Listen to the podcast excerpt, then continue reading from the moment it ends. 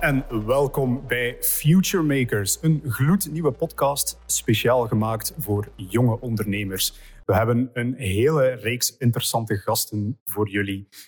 In onze allereerste aflevering hebben we hier Thierry Geert, de country manager, general manager van Google België. Uh, heb ik dat correct uh, ge Absoluut. Goedemorgen. gezegd? Goedemorgen. Uh, sommigen onder jullie, om nog eventjes te beginnen, zullen mij misschien herkennen van een andere podcast. Dit is iets helemaal nieuw. Uh, ik ben zelf mee overgedragen omdat ik een te grote mond heb voor maar één podcast. En daarom hebben ze mij ook maar meegevraagd voor de tweede podcast erbij. Future Makers is dus specifiek voor jonge ondernemers. En dus daarbij als allereerste gast een hele eer. Geerts, welkom. Um, om meteen met de deur in huis te vallen. Dus u bent country manager voor Google. En ik zie op LinkedIn dat u eigenlijk meteen gewoon begonnen bent als country manager. Uh, dus kan u eens vertellen wat uw reis is geweest? Dus hoe bent u precies bij Google terechtgekomen? Wel, het komen bij Google is eigenlijk op een zeker moment een headhunter die u belt en zegt van kijk, we hebben een, eh, een nieuwe job voor u en dan um, doe je het of doe je het niet uh, en krijg je die uitdaging. Maar je bereidt dat natuurlijk je hele carrière voor. Je wordt niet zomaar uh, gebeld om, om Google te gaan leiden. En dat gaat terug naar mijn studententijd. En als we het hebben over jonge ondernemers. Mm -hmm. Wel, ik ben begonnen tijdens mijn studententijd met twee bedrijven op te richten. En, okay. um, en als ik hier bij Google ben, is eigenlijk een beetje omdat ik een gefrustreerde ondernemer ben. um, want ik ben de universiteit uitgekomen met het idee van ik ga zeker mijn eigen bedrijf starten. Maar ik ga eerst wat ervaring opdoen uh, in uh, normale bedrijven. Mm -hmm. uh, en dat is natuurlijk de grote fout. Want in plaats van ervaring te, op te doen, ja, begint het leuk te worden, krijg je kansen, word je gepromoot en uiteindelijk heb je niet je eigen bedrijf opgericht. Nu, zo ongelukkig ben ik nu ook weer niet. maar mijn intentie was absoluut om ondernemer te zijn als ik uit het UNIF kwam. Ja. Oké, okay. dus u hebt dan zelf een onderneming opgericht. Kan u, kan u wat eens vertellen van wat is er daarna gebeurd? Hè? Waar, bent u allemaal actief geweest? En...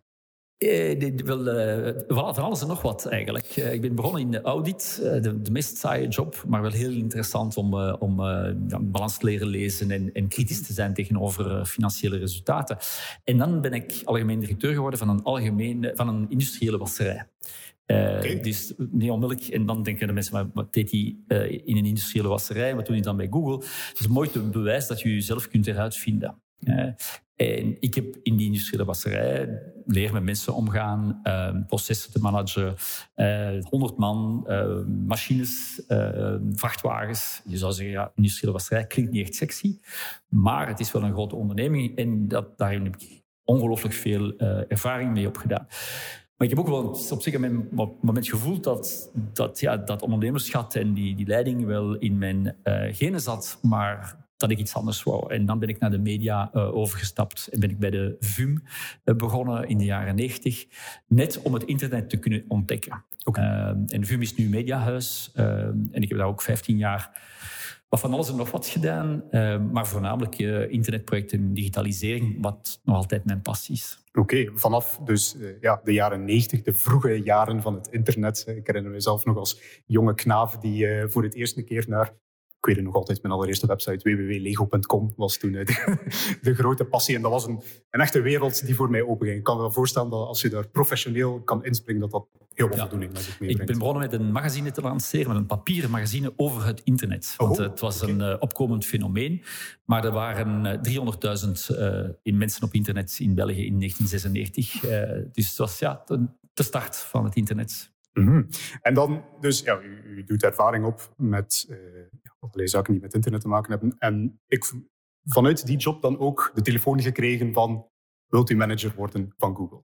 Ja, ik was uiteindelijk uh, aan het einde van mijn carrière bij, uh, bij de VUM, laat ons zeggen, uh, was ik verantwoordelijk voor de digitalisering en, en innovatie, diversificatie, eigenlijk strategisch directeur. En dan ja, was ik ook veel, veel in contact met, met Google, want de Google Media Bedrijf hebben natuurlijk wel een aantal banden. Um, en dan hebben ze mij gebeld en ik heb in eerste instantie nee gezegd. Um, omdat ik namelijk dat bedrijf altijd fantastisch vind. Ik ben altijd uh, Mediahuis en Persgroep. Uh, twee fantastische bedrijven. Heel interessante sector uh, van media. Ook het, het maatschappelijke impact van, van journalistiek is ontzettend belangrijk.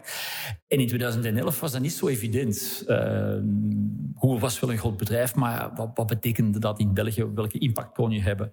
En dus heb ik het pas aan de, bij de tweede keer dat ze gebeld hebben, heb ik het uiteindelijk gedaan. Nadat ik begrepen had wat ik als impact kon hebben uh, als verantwoordelijke van de Belgische tak. Want ik wou niet zomaar weet je, iemand uh, instructies volgen vanuit de US. Um, ligt niet onmiddellijk in mijn, uh, mijn karakter. Maar, maar het bedrijf ontwikkelen en, en meehelpen aan de digitalisering van België. Op basis van de producten die we hebben als Google, die ook heel helpvol zijn voor bedrijven om te digitaliseren of heel helpvol zijn voor de, voor de gebruiker, burger. dat, dat is fascinerend. En dat fascineert mij nog altijd na tien jaar. Oké, nu 2011 durf ik dan zeggen, ook een beetje een kantelpunt voor Google. Misschien al wat eerder begonnen, hè, maar ik, ik heb ooit Google nog gekend als de search engine. Ja. Uh, toen nog ter, ter, vervanging van Yahoo. Uh, was, ja, was toen iets helemaal nieuw en dat werkte best goed, die Google. Uh, in vergelijking, en voor de rest had ik daar helemaal niks van gehoord. Vandaag de dag is Google een, een technologiegigant die, die ja, bijna elke innovatieve sector toch wel iets of wat aanwezig is. Kan, kan u eens uitleggen, ja, sinds 2011, hoe, hoe hebt u eigenlijk Google zien evolueren? Dus, dus wat is er toen dat u aankwam en hoe is dat veranderd als we kijken naar vandaag de dag? Ja, wel, Google, iedereen denkt dat Google het altijd Google is, maar Google heeft zich permanent moeten heruitvinden. Mm -hmm. toen ik aankwam, was de belangrijkste omzet advertenties vanuit de desktopcomputer. En de mobiele revolutie was uh, nog niet echt begonnen, maar het lag er wel. En Google heeft dan beslist om mobile first te zijn. Dus alle producten werden in 2011 ontwikkeld vanuit het mobiel, hoewel het mobiel nog absoluut niet was wat het vandaag was. En ik zei die setting van een zeker moment, het is nog maar klein, het was 4% van onze omzet, maar dat het beslist is van eerst alles te ontwikkelen op die mobiel en dan pas voor desktop mobile first te zijn. De tweede uh, stap was in 2016 waar dan een AI-first company zijn geworden. Mm Vanaf dan, in plaats van te focussen op een device, namelijk de mobiel, is er gefocust op een technologie, namelijk we geloven dat artificiële intelligentie een hele turnaround gaat betekenen voor alles wat we doen. En als we ons niet heruitvinden met de mogelijkheden van AI, machine learning, als we het even terug in, meer in de technische term mogen plaatsen, um, dan ben je niet succesvol in de toekomst. En we waren een van de eerste bedrijven om dat ook te doen. Ik denk dat vandaag nogal evident dat is dat AI een manier van IT is dat maakt dat onze, al onze bedrijven opportuniteiten krijgen om een hoop problemen op te lossen. Ja. Parallel daarmee zijn een aantal andere veranderingen gebeurd. Namelijk we van advertenties uh, in 2011 naar programmatic marketing. Dus het platform om de hele marketing digitaal te beheren. En de laatste jaren de switch naar cloud computing, um, waar dat we een grotere, grotere groei kennen uh, in de cloud computing voor bedrijven dan het ontwikkelen van producten voor de consumenten. Maar ondertussen zijn ook negen producten die door meer dan een miljard mensen zijn, uh, worden gebruikt. En ik denk dat we daarmee ook heel nuttig zijn in het dagelijks leven van Jan en Alleman. Ja. En ook helpvol zijn voor bedrijven die willen digitaliseren.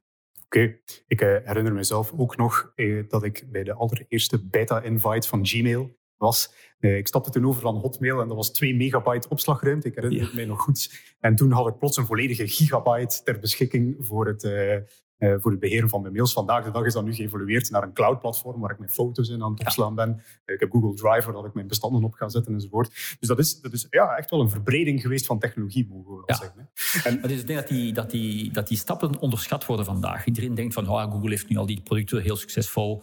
Maar, maar ja, ja, er zijn wel heel enorm veel ondernemerschap en risico genomen. Mhm. Want toen ik Gmail begon, hebben we gezegd van kijk, unlimited storage. Ja, dat was op dat moment wel bijzonder revolutionair. En dat, dat was een, een visie op de toekomst om te zeggen, van, kijk, als de IT verder evolueert, geloven we dat we dat kunnen aanbieden. En we gaan het een beetje op voorhand aanbieden, we nemen het risico.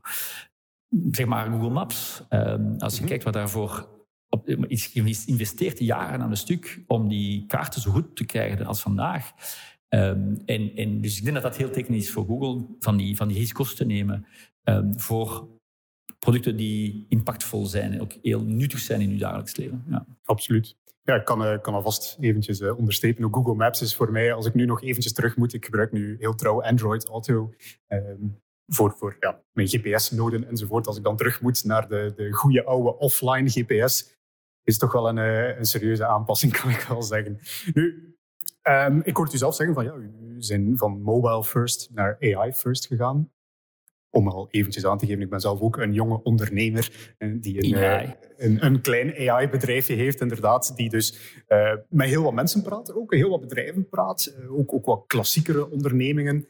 En, en ja, inderdaad, het AI-verhaal is daar nog nieuw. Dus daar, daar zijn ze nog uh, een beetje aan het uitzoeken van wat is dat allemaal, wat kunnen we daarmee. En ik, vond het, vind het heel goed dat u zegt van ja, we zijn eigenlijk voor al de rest al begonnen met een mobile revolutie.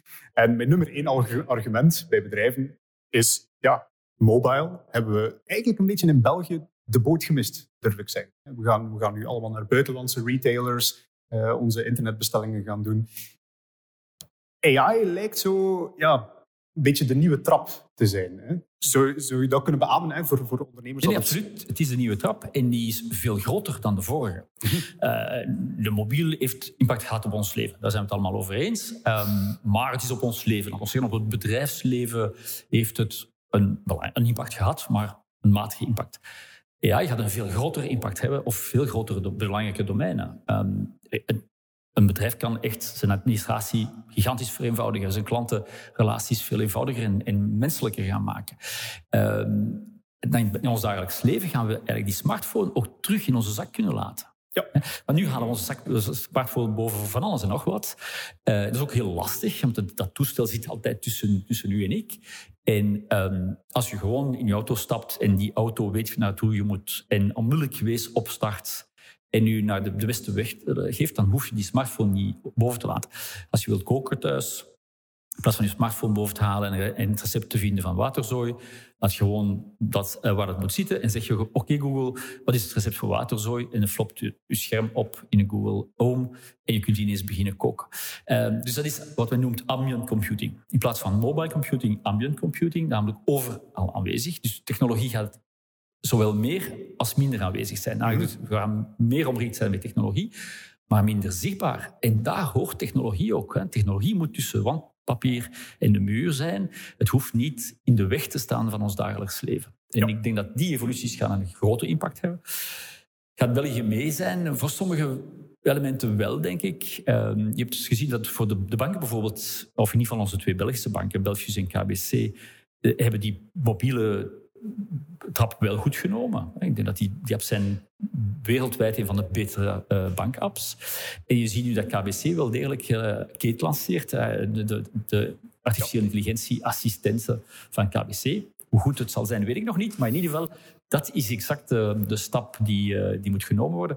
Maar het is nu niet meer enkel bij consumentenbedrijven. Het moet ook in de hele B2B, logistiek, in de geneeskunde gaan gebeuren. In de geneeskunde mobiel niet zoveel impact. AI gaat een massale eh, impact hebben. Nu, als wij met elkaar praten over artificiële intelligentie, dan, dan is er een hele hoop context. Hè. Kan wij, als u zegt van toepassingen van artificiële intelligentie, ik kan er wel een uh, honderdtal opnoemen. Maar ik, ik, kan me tegelijkertijd ook inbeelden dat er, dat er voor veel mensen die niet in die wereld actief zijn, dat dat ook wel iets, moet het zeggen, iets angstig heeft. Hè. Van, van worden wij nu weggeautomatiseerd? Maar tegelijkertijd hoor ik u dan zeggen van AI gaat de wereld menselijker maken. Hè. Dat technologie menselijker gaan maken. Voor mij persoonlijk, het beste voorbeeld daarvan is, is uh, mijn, grootmoeder. Die, die, die kon moeilijk overweg met computers. Dat, dat heb ik haar wel nog aangeleerd. Uh, maar, maar bijvoorbeeld een Google Home, waar je gewoon tegen praat, alsof dat het een mens is. Ja. ja dat begrijpen die allemaal. Ja. Dus, dus ziet u er ook voorbeelden van, van, u zegt menselijker wat houdt dat dan precies in? En wat is uw pleidooi? Nee, nee, ik ben het is volledig met u eens. Hè. Dus uh, als je denkt aan AI, denken de mensen aan uh, films van Hollywood, waar de wereld wordt overgenomen, uh, Minority Report, Terminator en, en, dat soort zaken. En dan is het net helemaal niet. AI is bijzonder dom. AI kan fantastische dingen doen, maar heeft geen enkele menselijke perceptie, heeft geen eigen creativiteit. Het kan gewoon een aantal dingen heel goed doen. Ja. Bijvoorbeeld vertalen van Engels naar Spaans kan ondertussen AI beter dan een mens. En je kan die doen dag en nacht zonder moe te worden uh, en zonder te stoppen en met minder uh, fouten. Um, nu, omdat dat zo slecht gepercipieerd wordt, um, kom ik met een nieuw boek eind februari over het menselijke impact van die digitalisering en hoe dat je dat moet gaan percipiëren. En Ik ben zeker dat het een menselijkere maatschappij gaat maken. Want als we daarover nadenken, is onze maatschappij zo menselijk? niet altijd. Nine to five gaan werken op kantoor is niet onmiddellijk het leukste. Werken op het moment dat je je goed voelt en op de manier dat het beste werkt voor u is, uh, is goed. Zoals u perfect zegt, het is makkelijker om toestellen met, het, met de stem te gaan uh, instructies geven dan, dan die smartphone gaan bovenaf. Een klavier. Hè. Een klavier is helemaal uh, absurd. Um, en dus kan, of in ieder geval, ja, kan die technologie het menselijker maken. En het is aan ons om het ook menselijker te maken, die technologie te gaan gebruiken om er iets menselijk van te maken, waar wij weten wat er maar gaat gebeuren en wij het ook aansturen. En dat is ook de bedoeling van technologie. Hè. Ja. Laat nooit de computer iets beslissen. Uh, zelfs niet in de vorige computertijdperk ging je niet zomaar een, laat zeggen, een boekhoudrapport zomaar iets laten beslissen. Dus de mensen die dat lezen en daar iets mee doen, dat is juist hetzelfde met artificiële intelligentie. Maar in plaats van voor die boekhouding te maken, alle facturen één per één in te geven, worden die automatisch gelezen door een computer. En dat is ja, noem het machine learning. Die computer leert vanzelf om een factuur te herkennen. Wat is het BTW-nummer? Wat is het BTW-bedrag? Als ik een factuur krijg, dan vraag ik er een foto met mijn smartphone en ik stuur die door en die wordt onmiddellijk geboekt. Niemand heeft daar werk mee. Maar dat wil zeggen dat de boekhouder geen job meer heeft. Dat is absoluut niet waar. Die gaat eindelijk doen wat hij moet doen, namelijk financieel advies geven. Ja.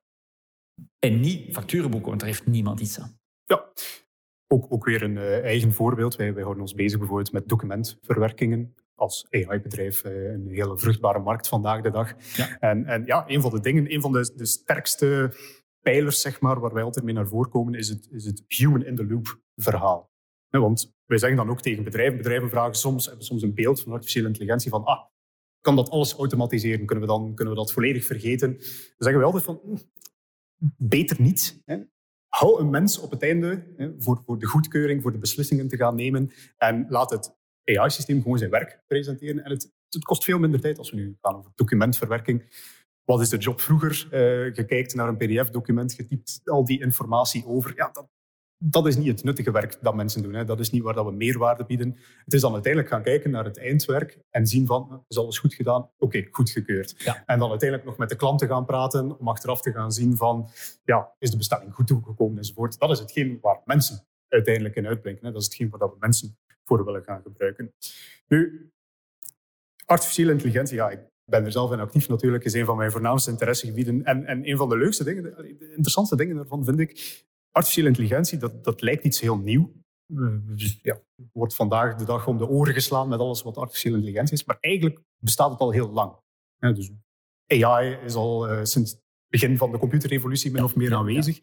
En men zegt dan altijd van, er zijn zo twee grote perioden. Drie soms, afhankelijk aan wie dat je het vraagt. De, de, de eerste grote AI-golf was heel, moet zeggen, uh, predicaten gedreven, heel logica gedreven, heel, heel uh, menselijk ontworpen algoritmes enzovoort, dat is dan wat uitgestorven. En nu komt het weer op. Uh, en voor mij, een van de belangrijkste elementen is dat het AI nu veel meer een industriegedreven uh, onderzoeksgebied is. Als we bijvoorbeeld kijken naar Google, jullie zijn een van de voorlopers als het aankomt op AI-onderzoek. Vindt, vindt u dat een belangrijk element daarin? Ik, ik, heb zo soms de indruk dat, het, eh, dat de vooruitgangen van vroeger iets te lang in academia zijn blijven steken, soms misschien zelfs vergeten zijn geraakt, terwijl dat het nu echt ja, consumentgedreven is. Ja. Nu, er zijn een aantal uh, redenen voor. Hè. Dus ik ben afgestudeerd in 1989. Ik heb een cursus AI gehad op de VUB. Hè. Dus ten eerste, dat toont wel aan dat VUB toen in ieder geval heel uh, visionair was. Want ik heb uh, biocursussen gehad en, en hernieuwbare energiebronnen en, en AI, wat in de jaren 80 toch niet zo evident waren. Maar dus ik heb een cursus AI gehad, maar ik kon niets, niets mee doen. Letterlijk, het werkte niet. Hè. Dus het was een concept, maar de computers waren gewoon niet krachtig genoeg. Dus wat is er gebeurd rond het jaar 2015 eh, ongeveer? De computers zijn krachtig genoeg geworden. De tweede, er is um, een gigantische dataset aan data opgekomen. Namelijk, voor het internet had je gewoon niet voldoende data om die computers te kunnen trainen. En dan moest je dat allemaal gaan kunnen processen. En daar zijn ook speciale chips voor ontwikkeld. En Google heeft onder andere met TensorFlow een speciale chip ontwikkeld om die AI te kunnen berekenen. Maar de principes zijn oud van, zoals je het zei, het begin van de, van de IT, jaren 60. En het werd onderwezen in de jaren 70 en 80, maar het noemde dat de, de winter van de AI. Namelijk, er is dan weinig gebeurd. Maar dat is niet de fout aan een ondernemer of een wetenschapper. Het is gewoon dat de technologie nog niet klaar was. En sinds 2015 is die technologie helemaal daar. De datasets zijn daar. En wat we nu missen zijn mensen, brains, die gaan nadenken van wat kunnen we gaan mee doen. Want AI beslist, zoals ik zei, helemaal niets. Het is een, een dokter die moet zeggen van, oh, ik kan eigenlijk die radiografie beter interpreteren met die techniek dat machine learning is. En dan een aantal IT'ers aanspreekt om dat te gaan realiseren. Maar geen enkel computer gaat zeggen van, oh, weet je, ik vind het eigenlijk interessant om radiografie te interpreteren. Ik ga eraan beginnen. Dat, doet, dat is dus daarom is het zo belangrijk dat er bedrijven zijn zoals uh, Scronos in, in uw bedrijf, om die begeleiding te doen. Goed te begrijpen wat AI kan en niet kan. Ja, is slecht in creativiteit, in context, in samenwerking. Maar heel goed in een aantal repetitieve taken. En goed begrijpen als ondernemer, wat wil machine learning echt zeggen? Het is, het is maar een computertechniek, maar het is wel een fantastisch krachtige computertechniek. Het is eigenlijk even sterk dan uw bedrijf opereren zonder IT of met IT. Dat is hetzelfde dan dus je moet zeggen, ik moet mijn, mijn bedrijf zo eruit vinden met een nieuwe technologie die even grote impact zal hebben dan gewoon geen enkel PC in mijn bedrijf zoals in de jaren 70. Ehm, en dat is moeilijk om zich in te beelden. Aan de andere kant kan het ook door kleine stappen worden gezet. Je begint met een aantal um, kleinere dingen, um, of je begint met een aantal deeldomeinen, um, en waar het een grote impact kan hebben. Uh, maar je moet niet overal beginnen. Uh, het kan natuurlijk niet van je bedrijf vandaag op morgen naar AI eruit vinden. Zelfs Google, we zijn er al vier jaar mee bezig. Ondertussen zit het achter al onze producten. Mm -hmm. Maar het heeft ook, we zijn ook begonnen met een aantal dingen. Ja, ik was een van de eerste niet het uh, gebruik van AI om de koeling van de datacenters te gaan beheren. Ik herinner me nog dat dat zo toen nog een groot artikel was van ja. AI wordt ingezet in de echte wereld. Ik, ik, ik ben zelf trouwens ook begonnen op een, op een soort interessant kantelpunt. Uh, ik heb zelf geen AI gestudeerd, uh, vreemd genoeg. Oh, okay. aan de KU Leuven was AI toen nog een heel oldschool discipline. Eh, heel gefocust op logica en, predicaten enzovoort. En dan, eens ik begon bij een prototypingbedrijf, was daar plots die machine learning. En die machine learning die kon dingen waarvan mij zelfs toen nog eens verteld van dat gaat de computer nooit kunnen doen. Uh, bijvoorbeeld het, het, analyseren van een afbeelding. Hè, het, het, het, herkennen van objecten op een afbeelding. Ik heb daar letterlijk nog een professor gehad die, die mij in fijn detail heeft uitgelegd waarom dat, dat zo'n quasi onbegrijpbaar probleem is om ja, met traditioneel programmeren te gaan doen. Hè. Hoe, hoe, encodeer je een kat in, in programmeertaal? Het is quasi onmogelijk als je ze in alle mogelijke oriëntaties kunt doen. Maar wat blijkt, hè, geef, geef voldoende voorbeelden van katten aan een machine learning systeem en die leert dan zelf de logica erachter. Ja, ja. Dus ik vind dat ja, een heel eh, interessante evolutie. Eh, namelijk dat, dat we niet meer gebonden zijn door onze eigen moeten we zeggen, ja, onze eigen intelligentie, onze eigen creativiteit om programma's te gaan schrijven, maar dat we nu gewoon eigenlijk aan de computer kunnen ja. Ja. Wel, de intelligentie blijft altijd bij ons, maar het, eh, het, het, het uitrollen ervan uh, wordt dan aan computers gedaan. En dat kan dus ook met beelden of met meer vage begrippen dan in het verleden. Vroeger was het allemaal wat dat hard kon gedefinieerd worden, 1 en nullen, dat konden we goed. Alles de rest, als je één fout schreef in een computercode, dan ging het mis. Ja. Bij machine learning gaat de computer dat kan je kunnen interpreteren, zelfs als er een fout is. En dat kan dus, een kat is ook een vrij vaag begrip. En dat kan die nu goed herkennen. Maar het voorbeeld van een datacenter uh, energieverbruik is een, is een goeie. Want we hebben, um, zoals je waarschijnlijk weet, het Go-spel gekraakt ja. met AI. Met, ja. Uh, DeepMind hebben we dat in 2016, denk ik, uh, gekraakt. We hebben dit, het spel, dat moeilijk, veel moeilijker is dan schaken, um, kunnen oplossen. En iedereen zei, nooit zal een computer het spel van Go kunnen kraken. Ja. En dat hebben we ook gedaan. Uh, en dan vroegen mensen mij, dat is wel tof, maar waarom steekt Google zoveel geld om in zo'n spelletje te winnen? Mm -hmm. En het gaat natuurlijk niet over het spel. Het mooiste bewijs daarvan is dat dan hadden we die technologie ontwikkeld voor dat spelletje. En, en, dan hebben we een aantal ingenieurs gezegd van we gaan eens kijken wat dat voor Google kan betekenen. En dan kijk je naar de, een van de grootste kosten van, van Google, is elektriciteit voor ons datacenter. Als je iets doet met Google, moet er een machine, een computer, de berekening maken. En dus hebben we die, uh, alle parameters van een datacenter uh, in het systeem van AlphaGo gezet en dat laten processen. En uiteindelijk bleek die beter dan een ingenieur het management kunnen doen van alles wat met energie te maken met datacenter. En onze energieverbruik is met 30% gedaald. Mm -hmm. 30 procent. Niet zo 3 procent energiebesparing zou al veel geld zijn, maar ja. 30 procent, dat is massaal. En Dat toont hoe sterk de technologie is. En een bedrijf die begint aan AI moet dus niet denken aan een 10% verbetering van de productiviteit. Je moet echt denken aan 30, 40, 50% winst op productiviteit. Dus wat hebben wij bij Google gedaan? Niet doet op een of andere chatdienst van een of andere eh, klantenafdeling waar niemand mee bezig is om te zeggen, dan lopen we geen risico. Nee, nee, we hebben het gedaan op onze grootste kost. Maar, maar we wisten ook van ingenieurs wat dat een goede kans maakte om succesvol te zijn. Ja. Dus als bedrijfsleider moet je begrijpen wat die machine learning is. En dan kijken, wat zijn mijn grootste kosten in mijn bedrijf en waar kan ik dan de grootste impact hebben? Of waar is het grootste probleem van kwaliteit binnen mijn bedrijf? Uh, wat ik graag, als ik denk aan mijn missie, wat vind ik dat vandaag moeilijk is? En wat vroeger niet mogelijk was met IT, wordt ineens wel mogelijk.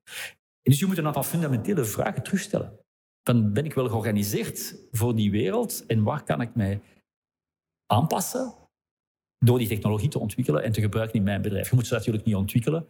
Dat is het voordeel van die technologie, is dat ze je kunt nu diezelfde technologie van datacenter iets nooit beschikking voor bedrijven. Dus als u als bedrijf veel eh, energie verbruikt, dan kun je eigenlijk in de cloud met een API toegang hebben tot dat systeem en het eigenlijk doet voor, voor uw bedrijf zonder dat je al die kosten moet gaan maken van het programmeren en, en leren. Gewoon uw dataset voeden uh, in, het, uh, in het systeem en hopelijk het beste, het even goed resultaat dan bij ons.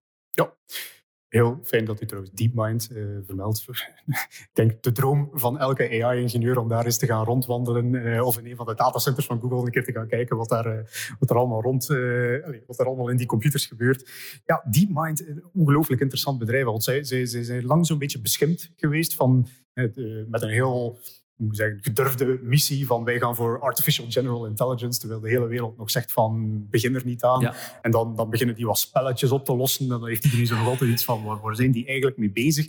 En dan hebben we onlangs het nieuws gekregen van ah, daar, daar is bijvoorbeeld, eh, is het AlphaFold, denk ik dat het noemt. Uh, dan hebben zij met diezelfde technologie die, die spelletjes uh, leert spelen zonder vooraf de regels gezien te krijgen. Uh, hebben zij nu ook een doorbraak geforceerd in misschien wel een van de belangrijkste biomedische problemen die er vandaag zijn. Namelijk het, het folden van proteins. Ja, kan het, ik ben geen uh, chemicus of bio, bioloog, dus ik kan het niet beter omschrijven. Maar dus het, het vouwen van eiwitten en zien hoe dat die eiwittenketens zich samen... Allee, dat heeft heel wat toepassingen binnen de, de geneeskundige wereld, ja. bijvoorbeeld. En dat toont dan aan. Hè, dat, dat die, die schijnbaar moet zeggen, bijna triviale spelletjes spelende AI's plots ook ja, soort algemene bouwblokken hebben om echte problemen te gaan oplossen. Dat, is, dat is volgens mij echt kracht. Dus de folding is inderdaad ontwikkeld op basis van die principes van, die, van de, van de Go-spel of van een aantal andere spelletjes. Maar er is toch wel een aantal jaren op gewerkt met uh, zowel de beste ingenieurs in AI als een aantal um, uh, medici en biologen. Um, maar daarvoor moest je wel de overtuiging hebben, zo'n jaar geleden, dat het, dat, dat probleem dat voor, door alle biologen toch als een van de grote problemen was dit geen enkel computer kon oplossen. De visie dat dat wel kon. En van dat tijd en energie in te steken. En dat is wat ik denk dat we doen uh, met een heel lange termijn horizon. Als Google één ding doet, is durven investeren op een heel lange termijn investering. Want ja, het feit dat je die proteïnefolding kunt voorspellen, ja, dat geeft u geen businessmodel voor volgend jaar. Dat gaat ons resultaat niet beïnvloeden in 2021. En toch geloven dat we dat moeten doen, um, omdat we Ehm, bij Google worden gemotiveerd om van die moonshots te maken. Wat kunnen we werkelijk oplossen? En met een visie van we moeten ons kwartalen doen, want dat is, je moet je, je business goed runnen. Maar heel belangrijk een lange termijn visie te ontwikkelen. We doen dat voor die visie op lange termijn. Wat gaat dat brengen zoals AI in 2016 ook niet ons 2017 jaar gemaakt heeft, maar wel ons 2021 jaar ja. gaan maken. En ik denk dat bedrijven moeten dat soms herleren. Uh, zeker in zo'n tijden van grote verandering uh, is het kijken naar het volgende kwartaalresultaat heel gevaarlijk. Eh, want je kunt een aantal dingen niet oplossen voor het komende, voor komende kwartalen. Of je moet een aantal durven investeren op dingen die het lange termijn gaan, uh, gaan doen. En je ziet dat bijvoorbeeld voor familiebedrijven doen dat algemeen beter. Maar ze moeten dan wel degelijk die innovativiteit meekrijgen. En dat is denk ik wat we in België dringend moeten gaan doen. Al die familiebedrijven die wel degelijk die lange termijn visie hebben, want die families willen die bedrijven op lange termijn houden, van die te transformeren naar de digitalisering. En in plaats van te proberen te gaan doen wat we dan gemist hebben een beetje, de, de, de, de, de mobielrevolutie, van ineens in te zetten op machine learning. Ja, Ik denk dat dat inderdaad wel een belangrijke les kan zijn voor zowel jonge als oudere ondernemers binnen België. Merk ik wel vaak als iemand die innovatie ook probeert te verkopen. Ja. als, als we dan kijken naar Google, Google had net zo goed een searchbedrijf kunnen blijven. Ja. Of, of, had het kunnen houden op ads, desktop ads en voor de rest doen we niets meer. Maar het bedrijf heeft zich schijnbaar steeds maar weer blijven uitvinden. En ook vandaag de dag zijn jullie bezig met dingen waarvan dat, uh, de modale mensen zeggen van... Ja, omdat de, de missie was vanaf het begin uh, de wereldwijde informatie indexeren en nuttig maken voor iedereen. Mhm. ja? Um, en dan waren ze begonnen met search, um, maar op een zeker moment Larry Page en Sergey Brin tot besef gekomen van ja, wij zeggen wel dat we de wereldwijde informatie indexeren en ter beschikking stellen van iedereen, maar eigenlijk doen we dat enkel met tekstpagina's op het web. ja? En toen, eh, begin van het jaar 2000, ja, tekstpagina's op het web, dat was wel heel moeilijk, maar dat was peanuts tegenover de werkelijke informatie die mensen nodig hadden. Dus ah ja, mensen zoeken ook iets in, in de hele wereld. Hadden een kaart voor nodig, Google Maps van ontstaan. Ja, maar er zit heel veel know-how in boeken. En die boeken zijn niet gedigitaliseerd, dus je kan niet zoeken in een boek. Je kan niet, je kan niet zoeken in stijnstreuvels. Hè? Eh, dus dan zijn boeken gaan digitaliseren. En dan hebben ze gedacht van ja, die foto's is ook nuttig. Eh, en als je kaarten en foto's denkt, ja, dan moet je iets meer video's gaan doen. Ja, en dat is dan niet zo goed gelukt. En hebben we uiteindelijk YouTube gekocht, omdat onze Google Video niet succesvol was. Dus we wisten wel dat we video's ook wilden indexeren en te beschikking stellen. Ehm, en soms slaag je niet zelf om daar een goed systeem voor te worden. Dan doe je overname. Maar je doet die overname omdat je weet waar je naartoe gaat. En het is diezelfde missie die ons vandaag nog altijd drijft. En dat binnen corona meer dan ooit nuttig is geweest. Mensen hebben gezocht naar wat is die virus, hoe moet ik mij beschermen, hoe kan ik een bosmasker maken. En die informatie vanaf het begin van de crisis juist krijgen en aan iedereen tonen. Ehm, is, dit, is hetzelfde dan uiteindelijk die, die app maken uh, um, om te zorgen dat de corona alert is gebaseerd op uh, ook de mogelijkheden van de Android-telefoons. En eigenlijk komt dat op hetzelfde neer. Hoe kan je die informatie um, uh, vlot laten maken, nuttig maken voor, voor de gebruiker? En je ziet wat dat dan, als je je missie volgt met diezelfde passie, het uiteindelijk toch wel tot diversificatie kan leiden, maar met een sterke co-business. Ja, en dat maakt natuurlijk ook. Ik, ik, vind het, ik, ik doe dan denken aan, ik weet niet in welk jaar dat jullie uiteindelijk YouTube uh, overgekocht hadden dan. 2007, 8 of zo. Ja, uh, ondertussen al enkele jaren geleden. Het voelt veel minder, maar de mens wordt snel oud. uh, en, en toen was er veel verbazing over. Hè, van, wauw, daar zijn enkele miljarden neergeteld voor een, ik dacht toen nog verlieslatend... Uh, zwaar verlieslatend. Zwaar ja. verlieslatend ja. videohostingbedrijf. Van waar zijn zij in godsnaam mee bezig? Ja. En toen had ik al een vermoeden van, wauw, dat is, dat is data. Dat is, dat is een hoop data die kan beschikbaar gemaakt worden. Die jullie bijvoorbeeld ook toelaat nu om, om AI's te gaan trainen die video's kunnen gaan interpreteren. Die, die afbeeldingen kunnen gaan verwerken enzovoort, die uh, kunnen liplezen. is ook iets dat ik zo ben tegengekomen op basis van uh, YouTube-video's van, van nieuwslezers die het nieuws voorlezen op basis daarvan uh, dingen gaan trainen. Breng, breng mij ook bij mijn favoriet Google-product, misschien een beetje onverwacht, is de CAPTCHA. Uh, het captcha-systeem, ik vind dat een, een absolute genialiteit. Hè. Ooit, ooit, moesten we letters intikken en die data bleek dan uiteindelijk van boeken, geïndexeerde boeken te zijn.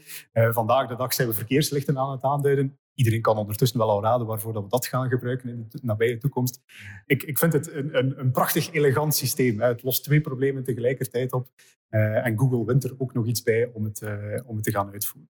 Nu, ik, ik, moet mezelf een beetje tegenhouden, want ik zou kunnen blijven praten over artificiële intelligentie. Uh, jullie horen het waarschijnlijk wel al. Ik wil, ook graag iets breder gaan. Voor de mensen die ja, niet kunnen wachten tot februari om uw nieuwe boek te gaan lezen. U heeft ook al een iets ouder boek geschreven. Iets boek, ja. Heeft al een boek geschreven genaamd ja. Digitalis. Kan u eens kort uitleggen van waarover gaat dat boek? Hè? Waar, ja. Uh...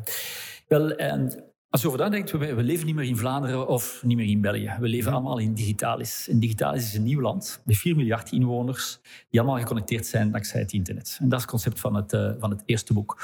En dat kan een beetje een raar concept lijken, maar eigenlijk als je erover nadenkt, um, je koopt uh, schoen op Zalando, komt van Duitsland, uh, je gebruikt Netflix in plaats van VTM. En Netflix is een Amerikaans bedrijf. En onze kinderen staan op TikTok massaal, dat is een Chinees bedrijf. En als we naar muziek luisteren, is het meestal via Spotify. Uh, en dat is een Zweeds bedrijf. En dus, ja. dus, in ons dagelijks leven gebruiken we gewoon toepassingen van overal. En we zijn ook geconnecteerd met die 4 miljard mensen. Als u uh, een kind naar Erasmus uh, gaat in Australië, blijf je vandaag geconnecteerd um, alsof dat die... Daarnaast je kunt onmiddellijk een, een, een videochat organiseren. Uh, je hebt dus ook gewerkt tijdens de pandemie alle vorsters van de wereld konden elkaar contacteren in real time. Hè? dus we hebben eigenlijk teleportatie uitgevonden in 2020. Fysisch is nog altijd niet mogelijk, maar we hebben het niet meer nodig, want we kunnen elkaar met, met video zodanig met 4 miljard mensen connecteren dat je geen teleportatie meer uh, nodig hebt. Nu, in het eerste boek beschrijf ik daar alle, alles wat je ermee kunt doen. Uh, namelijk het voordeel op mobiliteit, om de, het, het trafficprobleem op te lossen. Het voordeel voor betalingen, uh, de, de bankapps en het uh, contactloos betalen. En ja, het is in 2018 uitgekomen. Toen was het niet schokkend, maar in ieder geval veel mensen hebben gezegd van ja, thuiswerken, dat gaat toch niet gaan. Hè? Ja, ik weet, ja, je kunt daar wel met videoconferentie, maar de medewerkers willen op kantoor komen. En we hebben in 2020 een crashcourse gehad, ehm, want ja, telewerken kan wel, telemedicine kan wel. En je kunt nu bij je dokter uh, afspreken zonder te moeten in de wachtzaal gaan zitten, waar er toch een aantal andere mensen met kiemen zitten.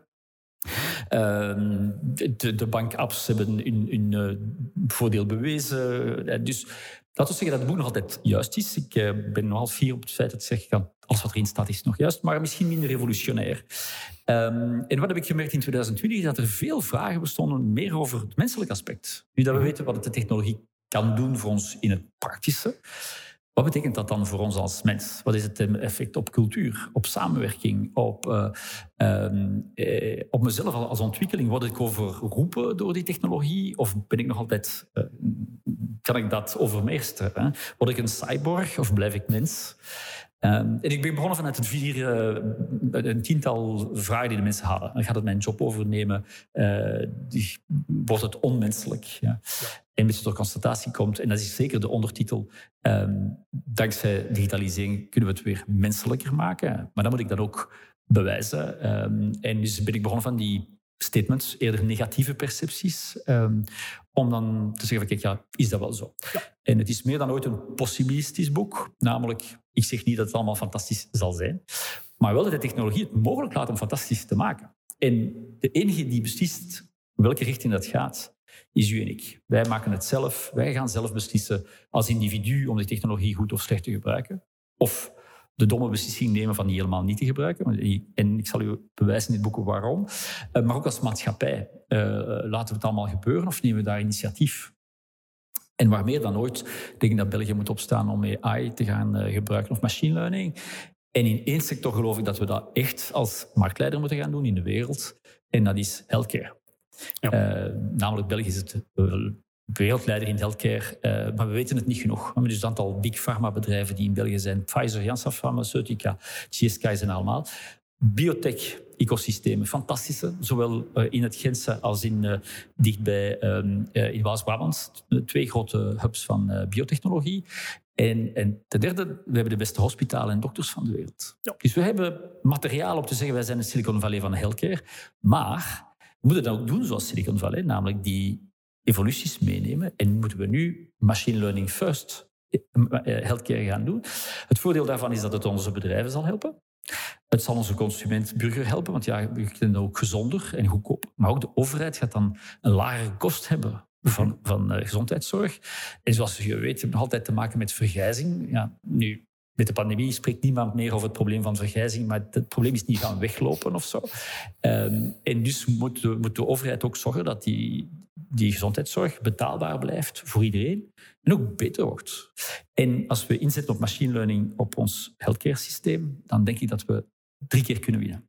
En er zijn toch niet veel strategieën voor de overheid waar dat er drie winnaars zijn. Zowel de burger, de bedrijven als de overheid. En, en het zou uh, zeker de impact hebben op massaal veel mensen. En het is nu. Ja, ja inderdaad. Ja, healthcare is inderdaad wel een, een hele interessante sector als het aankomt op artificiële intelligentie. Ik kan er nu nog heel eventjes terug naartoe springen. Ik kan het niet laten. Ja, ja. Um, ja ik, ik, heb er ook al voor dokters gesproken. Uh, zeker de, de oudere dokters, die hebben soms iets van... Hm, uh, wat? Uh, machines, allez, artificiële intelligentie die mijn intelligentie moet gaan vervangen, dat, allez, dat, dat kan toch helemaal niet. Maar dan ja, moet je tegelijkertijd inbeelden, zoals je zelf zegt, telemedicine. Hè. Hoe, hoe, gaan we vandaag de dag nog naar de dokter kunnen gaan als er het risico loopt dat daar een hele wachtzaal besmet geraakt met een of ander virus? Ja, we kunnen gewoon van afstand, we kunnen sensoren op ons lijf gaan plakken en, en dat kan dan doorgestuurd worden naar een geneeskundige. De geneeskundige kan misschien al een advies te zien krijgen van een AI-systeem, maar die beslissen nog altijd zelf. Uiteindelijk. Dat zijn nog altijd, die mensen doen nog altijd hun job, die hebben nog altijd een meerwaarde, maar dan efficiënter. Hè. Kunnen we meer mensen gaan behandelen, kunnen we mensen beter gaan behandelen. Personalized medicine is ook zo nog een grote. Plak een aantal sensoren op je lijf en, en de dokter zal wel een waarschuwing krijgen als het ergens misloopt. Ik denk dat veel mensen daar ja, alleen maar de negatieve effecten van, van zien. En niet, stilstaan bij wat dat allemaal kan betekenen. Ten eerste heb je een perfecte pitch gegeven over het hoofdstuk gezondheid uh, in mijn, uh, mijn nieuw boek. Dus, uh, exact, thuismedicine, devices. Maar het derde is um, het herkennen van beelden. En ik denk op kortere termijn het grootste impact dat het zal hebben, is op medische beeldvorming. Mm -hmm. um, ik weet niet of u dat weet, maar bij de diagnose van een borstkanker is één op drie diagnose fout. Ofwel wordt het soms het geval overschat en je wordt vrouw geconfronteerd met toch wel wat paniek waar het niet nodig is. Ook in heel veel gevallen zijn er te, te kleine tumoren die niet gezien worden bij, een, uh, bij het uh, oog die dat nakijkt. Ja. En ja, je gaat hem niet snel genoeg kunnen ingrijpen. Nu, we hebben als Google daar uh, machine learning op toegepast. met ik weet niet meer hoeveel, maar denk 100.000 mammografieën. Met als resultaat dat we dat foutenpercentage naar 2% krijgen. Nu, dat is een gigantisch effect, zowel als op de, ja, de, gezond, de geluk en gezondheid van uh, al die vrouwen. Maatschappelijk ook een veel lagere kost, want je kunt het ook veel sneller uh, aanpakken en dus ja. is ook uh, goedkoper. En um, dat is wat het op korte termijn echt machine learning zichtbaar maakt. Gaat dan die radioloog verdwijnen? Absoluut niet. Hè, maar het is wel het voordeel dat er als een mammografie wordt gemaakt door die radioloog, dat die sneller en beter kan geïnterpreteerd worden door machine learning. En dat dan het resultaat nog altijd door die radioloog wordt geïnterpreteerd. Maar dan moet er een dubbele check hebben. En ook gecommuniceerd. Want het, is, het psychologische element is ook wel uh, belangrijk. Dus meer dan ooit, die dokters hebben we nodig. Maar we hebben ze zodanig nodig dat we ze moeten helpen om efficiënter en meer patiënten te kunnen zien. En ik hoop dat er meer mensen zullen gescreend worden op kanker met betere beeldvorming, waardoor dat we die ziekte eigenlijk beter onder controle krijgen dan vandaag. En als je dat bedenkt op dat, dan kun je eigenlijk op bijna op alle ziekten een effect hebben op een redelijk termijn. Dus ik spreek u niet van technologie die binnen tien jaar misschien zullen komen. Nee, nee, technologie die nu in een zes maanden tijd kun je de beeldvorming van een zekere ziekte fundamenteel verbeteren. Ja. Een van de zaken waar we zelf nog actief in zijn geweest, is het herkennen van uh, schadelijke weer melanomen. Ja, uh, dus, dus mooi boven, je neemt een snel fotootje. De, de, de, de weerspannigheid van mensen om naar een dokter te gaan, ik weet het ja. zelf maar al te goed, is soms ja. redelijk groot. En zo. Het zal wel goed zijn, dat is niet erg. Uh, terwijl je misschien snel een keer een fotootje kunt nemen en dat die app kan zeggen van oh, oh pas op, hè, kan ik naar de dokter, want dit kan mogelijk wel gevaarlijk zijn. En dan zeggen dan altijd, dat is gevaarlijk, de mensen gaan dan zelfmedicine gaan doen. Ja, dat is natuurlijk niet de bedoeling. De bedoeling is gewoon dat er veel meer scanning gebeurt van dat soort melanomen op, het, op, het, op de huid. En dat het veel sneller kan ingegrepen worden. En dan gaan die dokters meer werk hebben, want veel meer mensen gaan zeggen van ja, ik wil het laten weghalen. Uh, dus ik, ben helemaal, ik maak helemaal geen zorgen voor de uh, verplegend personeel in de brede zin van het woord. We gaan er meer nodig hebben. Het is absoluut nog het moment om geneeskunde te beginnen studeren, bijvoorbeeld. Ja. Mm -hmm. Maar niet op de old-school manier. Um, en, maar ook in de opleidingen, onder andere geneeskunde, maar ook alle andere, zeker in de rechten, is dat het geval, dat die studies up-to-date moeten komen, waar dat er veel meer... Zij gaan ook moeten begrijpen wat machine learning is. Als je zeven jaar geneeskunde studeert, maar je hebt alles van buiten geleerd, maar je weet niet wat machine learning is, ja, dan heb je een probleem. Ja, ik, ik, een van mijn beste vrienden is ook dokter. Uh, goed op weg om een of andere fantastische topdokter te gaan worden. En, en je merkt echt wel het verschil tussen de nieuwe garde, zeg maar. De nieuwe dokters die een opleiding aan het volgen zijn. Ja. Die, die vragen me soms hem van het lijf rond alles van die nieuwe technologie en wat dat van impact gaat hebben. Terwijl wat ik weet, bij oudere dokters, die, die, die, die hebben ze nog iets van... Die voelen zich bedreigd, zeg maar. En, ja, en toch wil ik het verhaal van uh, leeftijd even, even, even demystifiëren. Ik ben zelf 54. ik ben afgestudeerd toen computers nog... Ja, letterlijk amper bestonden, bij wijze van spreken. Uh, ik heb in een industriële wasserij gewerkt, vijf jaar aan een stuk.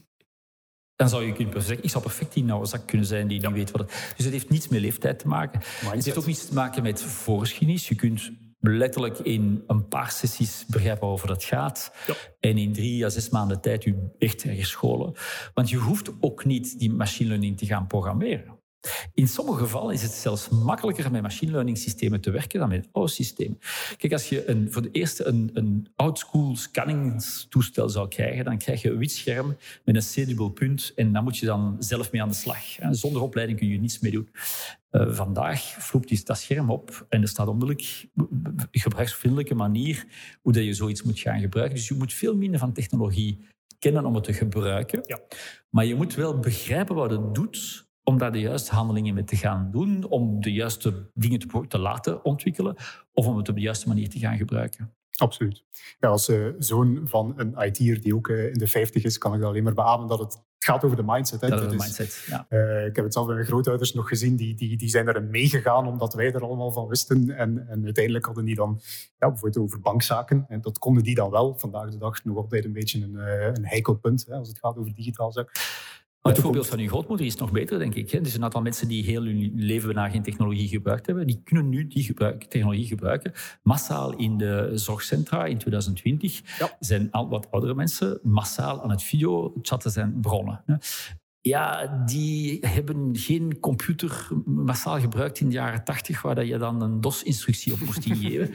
en dan had waarschijnlijk niet gewerkt. Gelukkig dat die pandemie maar in 2020 is gebeurd. Ja tien jaar eerder had dat een veel grotere ramp geweest, zowel economisch als maatschappelijk.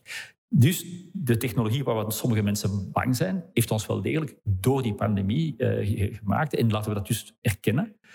Maar ook de lessen van het leren, hoe dat we die technologie moeten gaan inzetten. En het is dan ook e-commerce bijvoorbeeld, waar dat we achter zitten. En daar moeten we absoluut gaan oplossen. Uh, als je vandaag iets online gaat kopen, dan zie je nog altijd 70% van de gevallen webshops van onze omburende landen. En ja, Belgische bedrijven zijn hier helemaal mee. Ik denk dat in 2020 toch wel duidelijk is geworden waarom dat, dat wel nuttig is.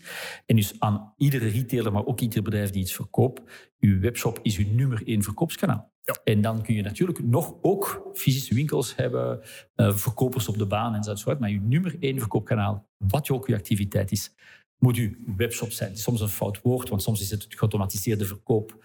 Uh, uh, maar hospitalen die geneesmiddelen, bestellen, bijvoorbeeld, die gaan misschien in een webshop, maar die automatische bestelsystemen, dat is ook e-commerce, bij wijze van spreken.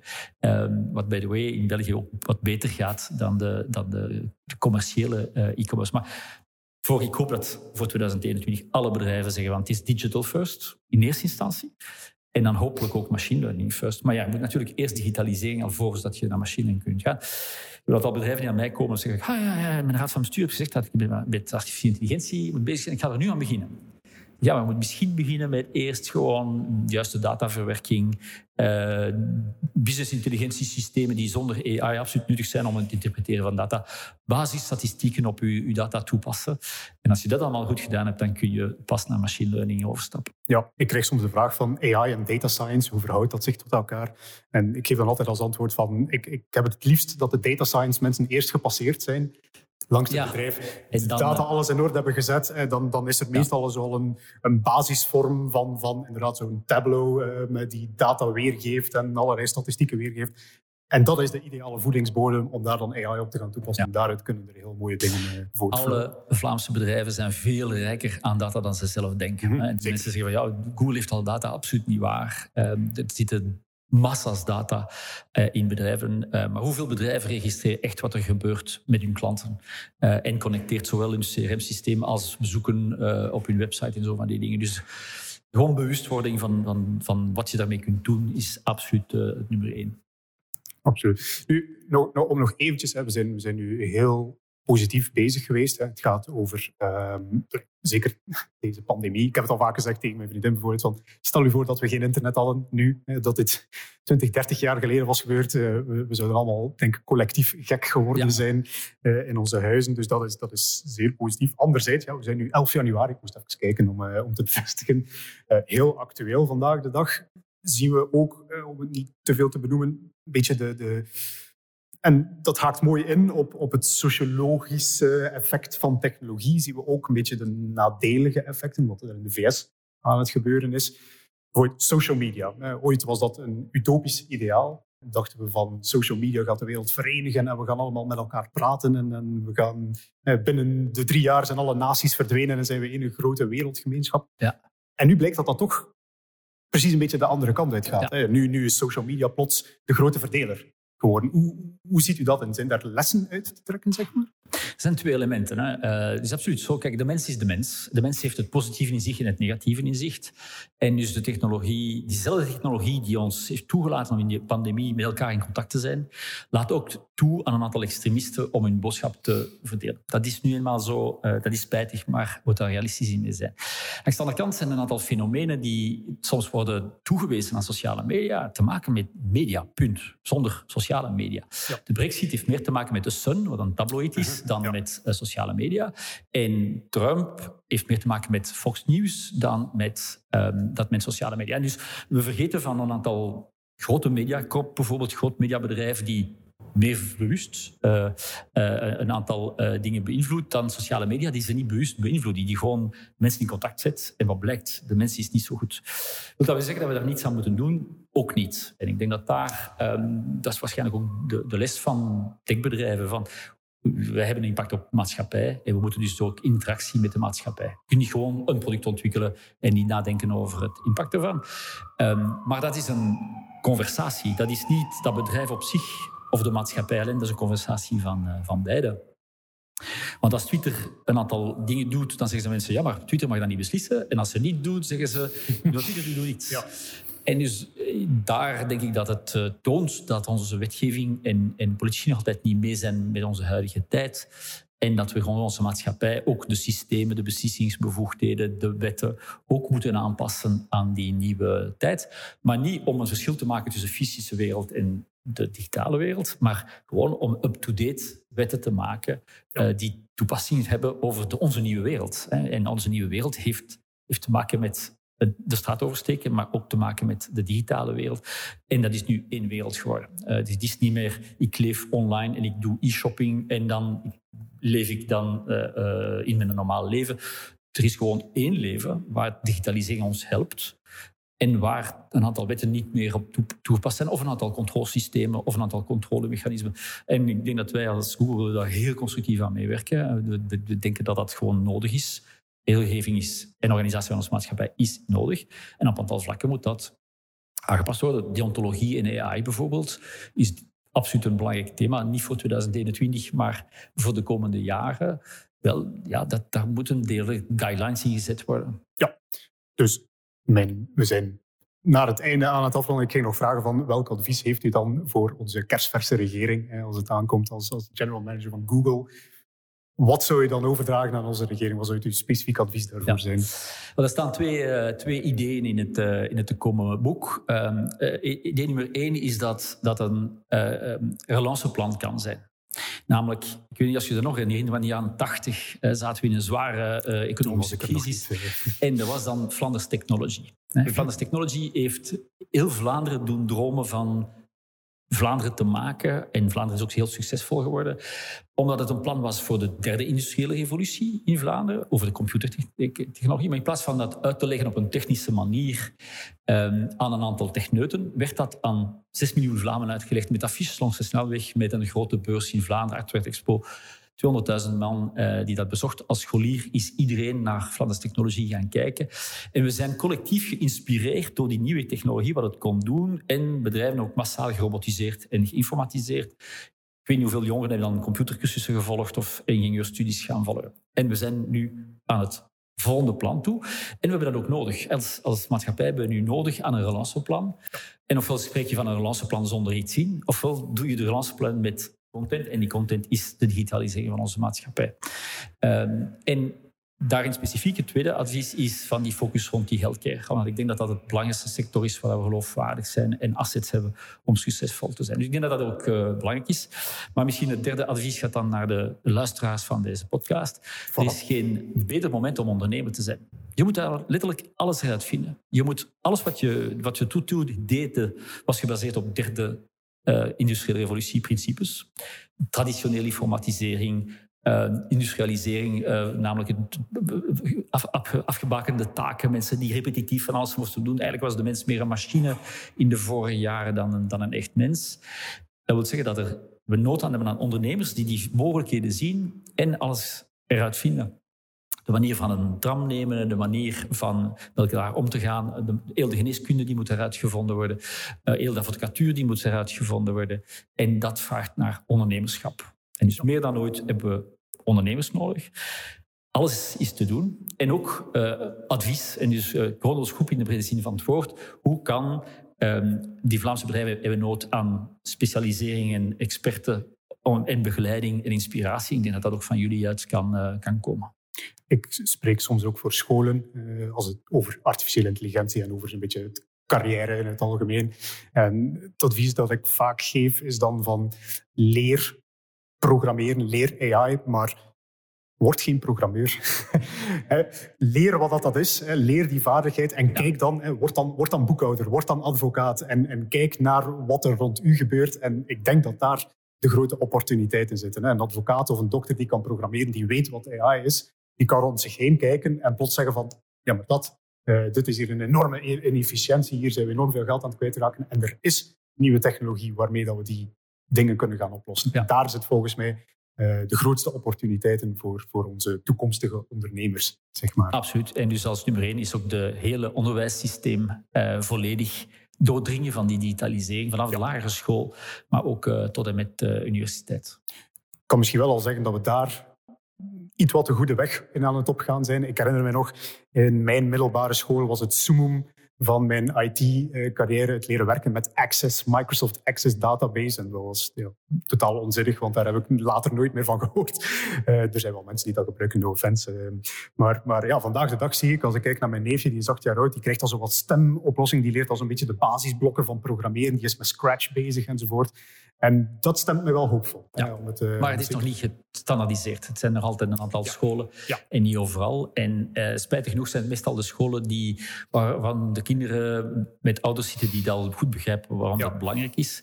Uh, waar dat iedere persoon die in Vlaanderen woont, heeft daar recht op. Voilà. Inderdaad. En ik denk dat we met die boodschap kunnen afsluiten. Uh, we zijn mooi over tijd gegaan, maar dat is geen enkel probleem. Rest mij alleen nog om u te bedanken voor uw aanwezigheid. Graag gedaan. Het was een zeer interessante babbel. En aan alle mogelijke luisteraars slash kijkers zou ik zeggen, dit was de allereerste aflevering van onze Future Makers podcast. Maar uh, ja, er zijn alvast vier gasten gepland, dus ik zou zeggen, kijk alvast uit naar onze volgende aflevering. Bedankt iedereen en ik zeggen, tot de volgende